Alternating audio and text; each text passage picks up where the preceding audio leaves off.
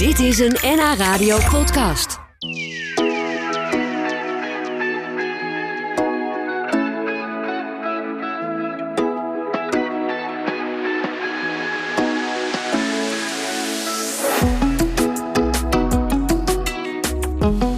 Schrijfster Simone van der Vlucht is vandaag bij ons te gast. Met haar nieuwe boek over de stormachtige 16e eeuw van Alkmaar en omgeving.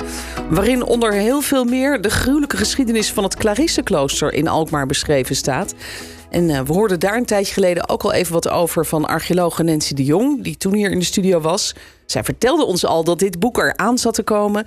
En nu is het dus net uit en gaan we erover praten met Simone zelf. Wat uh, leuk dat je hier bent, Simone. Welkom. Ja, bedankt voor de uitnodiging. Ja, en is het, is het fijn als zo'n boek net uit is? Of mis je het ook om er helemaal in ondergedompeld te zitten?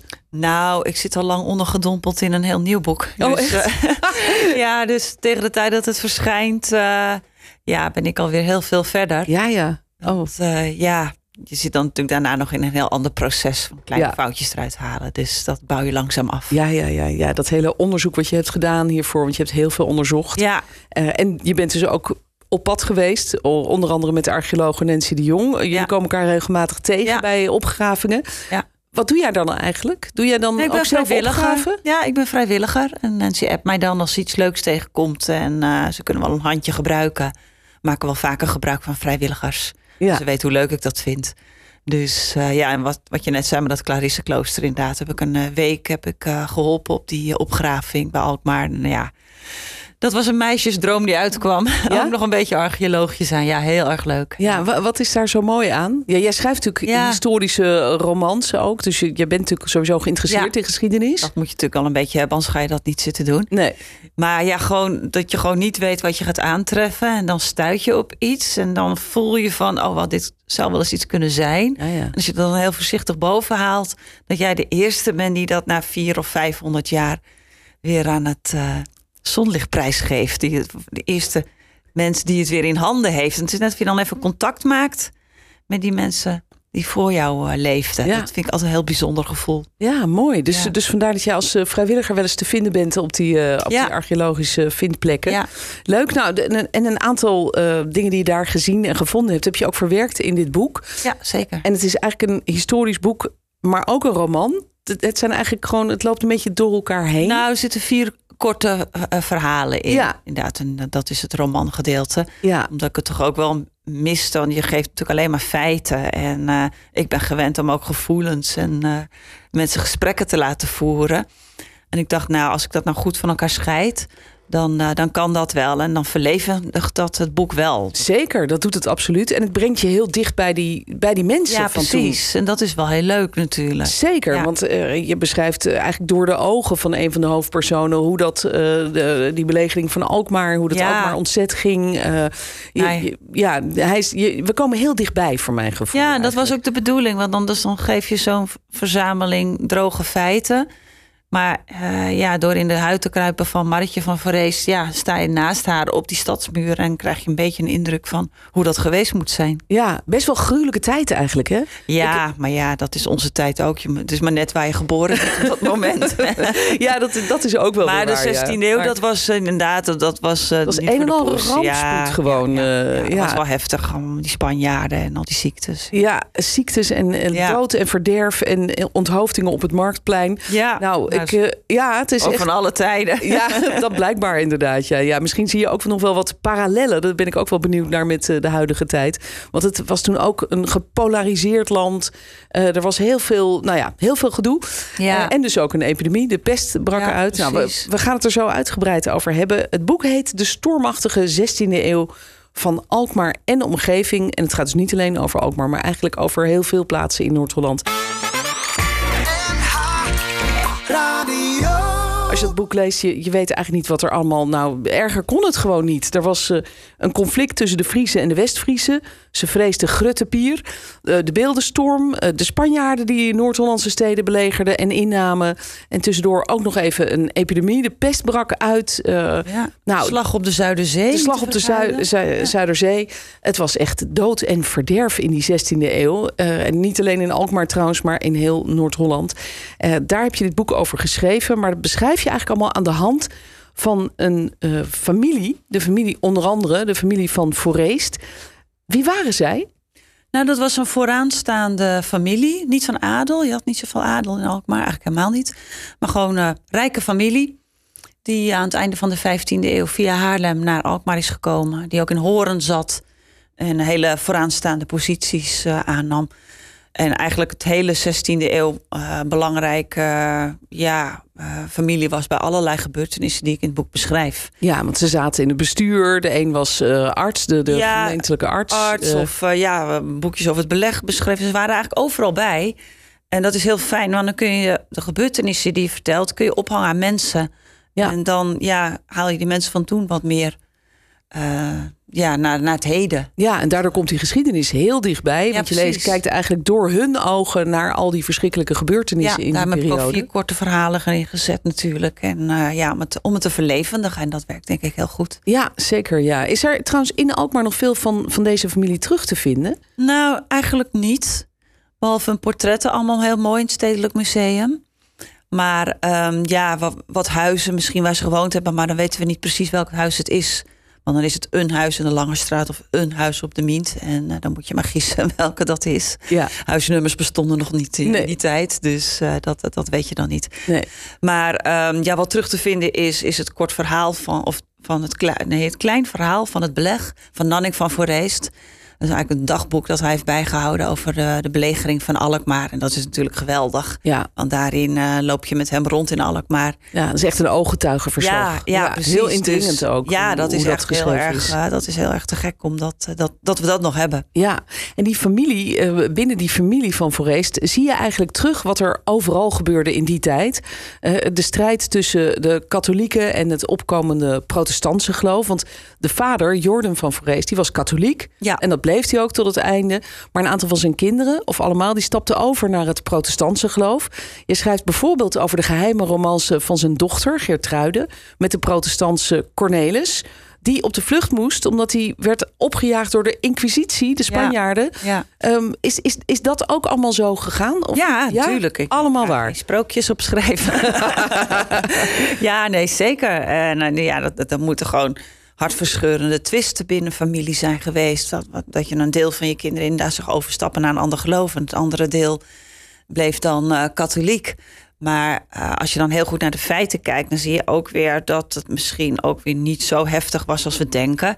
Want um, op een gegeven moment kwam Alfa met zijn legers eraan uh, om de Nederlanders uh, Morris te leren. Ja. Dus sloegen heel veel protestantse dissidenten op de vlucht.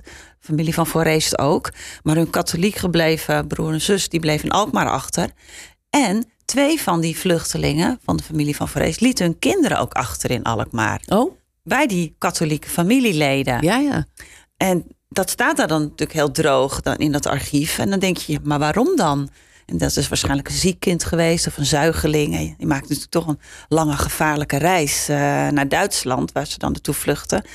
Maar dan later zie ik weer dat uh, katholiek gebleven zus, Marretje, dat zij uh, in Emden in Duitsland het kind ten doop had gedragen van haar gevluchte broer Nanning. Ja, ja. Van, dat, van dat dagboek. Ze was er toch. Dus ze, was, ja, ze hadden wel contact met elkaar. En ze gingen dus wel, nou, zijn natuurlijk niet meer terug, maar zij wel naar Emden.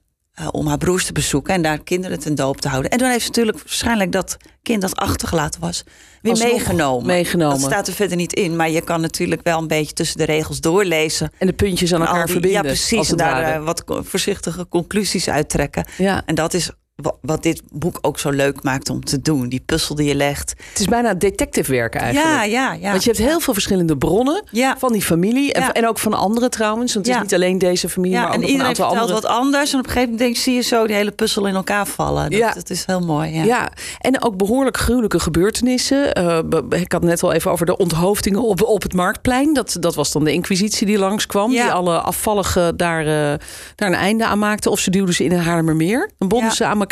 Ja, nou, dat, deden, dat deden de Spanjaarden toen met, uh, met de steden die belegerd waren en die zich niet wilden overgeven. Ja. Daar werd vaak uh, korte metten mee gemaakt als dan uh, de stad zich toch moest overgeven. Maar dat is in Alkmaar gelukkig niet gebeurd. Ja. Wel in Haarlem. En ik geef dus ook een heel uitgebreid verslag over de belegering van Haarlem. Omdat die stad zo verbonden was met Alkmaar. Want toen Haarlem was gevallen na negen maanden beleg werd er, uh, moesten er schansen gegraven worden rond Alkmaar om dichter bij de stadsmuren te kunnen komen. Maar ja, vanaf de muren schoten die Alkmaarders die Spanje natuurlijk allemaal neer. Ja. Dus er werd een, door de Spanjaarden een razzia gehouden in Haarlem. Het werden er 200 tot 300 doodsbange jongens en mannen uh, vandaan gesleept en naar Alkmaar gebracht. En die moesten daar die schansen graven. Ach, dus die dus moesten ja, die eigenlijk... Alkmaar de schoten dan, ja, dat wisten ze niet. Op een landgenoten. Ja, die werden daar te werk gesteld. Jee. En ja, toen ze op waren, toen uh, werden er weer nieuwe gehaald. Tot die Haarlemmers begonnen te protesteren, want ze hadden zich overgegeven. Dus ze stonden nu onder Spaanse bescherming. Dus zeiden ze tegen Alfa, moet u ons ook beschermen? Ja, en niet... Dus toen uh... heeft Alfa daar een eind aan gemaakt. Jeetje. Maar ja, toen waren de Spanjaarden al bij Alkmaar uh, tot aan de muren gekomen en uh, begon daar uh, de stormloop. Ja, precies. Nou, hoe, de, hoe dat afliep, dat, dat weten we uiteindelijk ja. allemaal wel. Ja. Maar daar, daar heb je ook een heel interessant uh, hoofdstuk over geschreven. Want ook daar zijn natuurlijk allemaal weer bronnen over die daar ja. van alles over kunnen vertellen. Daar, daar praten we zo nog even over verder. Het, het gaat uiteindelijk hier allemaal over godsdienst, hè? over de katholieken en daar de protestanten. Mee. maar er, er gebeurde nog veel meer, omdat dus ook die pest uitbrak, waardoor het eigenlijk één grote chaos werd in die tijd. Ja. En, en polarisatie uh, en, en oorlog en, uh, en een epidemie. Ik dacht, er zijn toch misschien ook wel wat parallellen te trekken. Nou, polarisatie zeker. Want wij vieren die, die, die overwinning op die Spanjaarden alsof het natuurlijk uh, we allemaal heel eensgezind waren. Maar eigenlijk waren al die steden in Holland, want Nederland als naam kende je eigenlijk nog niet, allemaal kleine eilandjes die hun eigen beslissingen namen. En die dus ook allemaal besloten zijn voor de prins van Oranje of zijn voor de Spanjaarden. Ja, en Amsterdam en, was heel lang uh, nog ja, voor de Spanjaarden. Ja, Amsterdam toch? bleef, Spaans, want die gokte Ja. toch dat Alfa dat wel zou winnen. En dan hadden zij daar een hele mooie handelspositie als havenstad. Want Antwerpen, dat uh, werd dan uh, buiten beschouwing gelaten verder. Ja. Ja. En, uh, maar ja, zoals Enkhuis, Monnikendam, Horen, nou, al die steden hier... die moesten allemaal beslissen, wat gaan we doen? Ja. Nou, in Enkhuizen hadden dan de burgers dilemma's. zelf besloten van... wij zijn voor de prins. En uh, die begonnen toen bij Horen op de, op de poorten te beuken van... en uh, om ze een beetje te dwingen om ook voor de prins te zijn. Ja. ja en zo ontwikkelde zich dat later allemaal. ja, een verscheurd land, een verscheurde Ja, provincie. Maar uiteindelijk toch een eenheid. en Dat uiteindelijk toch de mooi. eenheid, ja, Ja. zeker. Want zeker als die slag op de Zuiderzee begint... ja, dan moeten ze allemaal tegen diezelfde vijand slag leveren op die Zuiderzee. Ja, Ja, en dat Dan- kwam vanuit Amsterdam aanzetten, de Precies. Spaanse galjoenen. ja Dus ja, dat kun je nou niet voorstellen als je daar eh onvoorstelbaar op de Afsluitdijk inderdaad. nee, zeker niet, nee. Nou, bijzonder. Dat gaat trouwens deze zomer allemaal nagespeeld Ja. worden, hè, die slag op de Zuiderzee. ja, klopt. Eh, omdat het worden- 450 jaar geleden is eh, dat die plaatsvond. Nou, dat is, wordt sowieso denk ik een heel mooi evenement. Maar ehm, hoe, hoe dat dan ging, daar gaan we zo nog even over verder praten. Want ook die, die belegering van Alkmaar en het Alkmaar eh, ontzet... dat wordt ook nog ieder jaar natuurlijk gevierd. Dat was ook een heel bijzonder verhaal. Daar straks meer over. Wat ik ook mooi vind is dat je in je boek heel veel ooggetuigenverslagen citeert. Eh, je volgt een, eigenlijk een hele familie, de familie van Forest, die alles hebben meegemaakt van dichtbij. Eh, en je hebt dus heel veel bronnen gebruikt, waardoor we een heel persoonlijk kijkje krijgen in die tijd. Ehm, en dan is het mooie ook dat het als het gaat over Alkmaar, daar hadden we het net over. Hè, de, eh, de Spanjaarden gingen richting Alkmaar met gedwongen ingelijfde Haarlemmers die moesten vechten en graven daar of, of, of bruggen slaan. Ehm, maar bij dat hele Alkmaar ontzet speelden ook vrouwen een belangrijke rol. Daar schrijf je ook over in het boek. Ja. Dat, dat zou je eigenlijk niet verwachten, toch, in die 16e eeuw? Nee, en toch was het eh, eigenlijk heel erg eh, gebruikelijk. Alle, eigenlijk in al die belegerde steden speelden vrouwen toch wel een hele belangrijke rol. En in Alkmaar ook. En Nanning van Vreest heeft in zijn dagboek dus ook echt eh, de vrouwen ook benoemd. Die zeiden dat die daar eh, echt eh, zich als mannen hadden geweerd. En Ja, want in Haarlem hadden we Kenau, die was natuurlijk heel bekend. Ja, Een soort ja. manachtig wijf dat goed kon vechten, ja, daarover gezegd. Ja. Maar in Alkmaar hadden we die ook dus. Ja, hadden we ook. En het zal in andere steden ook zeker zijn geweest. Want ja, je kunt je wel voorstellen, je kan wel in de kelder gaan zitten huilen.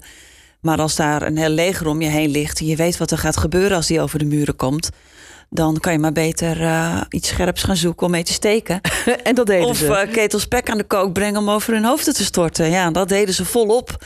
Ja. Dus het was natuurlijk, ja, iedere, iedereen die uh, iets kon betekenen op die muren, die, die was welkom tot kleine kinderen aan toe. Ja. Die mannen met stenen aandroegen waarmee ze konden gooien. En dus de hele burgerij stond daar op die muren. En ja, dat probeer ik me wel eens voor te stellen als ik daar dan sta en denk, hier moet het ongeveer geweest zijn.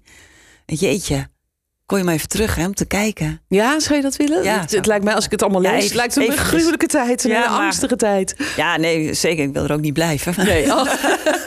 eventjes, Gewoon even, veilig. Gewoon even eventjes. Ja, op, ja, op een afstandje. Ja, en dan gaan we weer terug naar deze, nou ja, veilige tijd. Nou ja, in ieder geval eigen tijd. ook van alles. Van tijd die je kent. Ja, ja, ja dat is toch wel anders inderdaad. Ja. Heb jij het gevoel ook door het schrijven, doordat je al die bronnen hebt gebruikt, dat je heel dicht bij die mensen gekomen bent? Uh, zo zo lijkt het wel als je dat Ja boek en leest. nee, maar er is tegelijk ook zoveel wat je niet weet. Mm. Bij elk stukje informatie dat je vindt, wil je eigenlijk nog meer weten.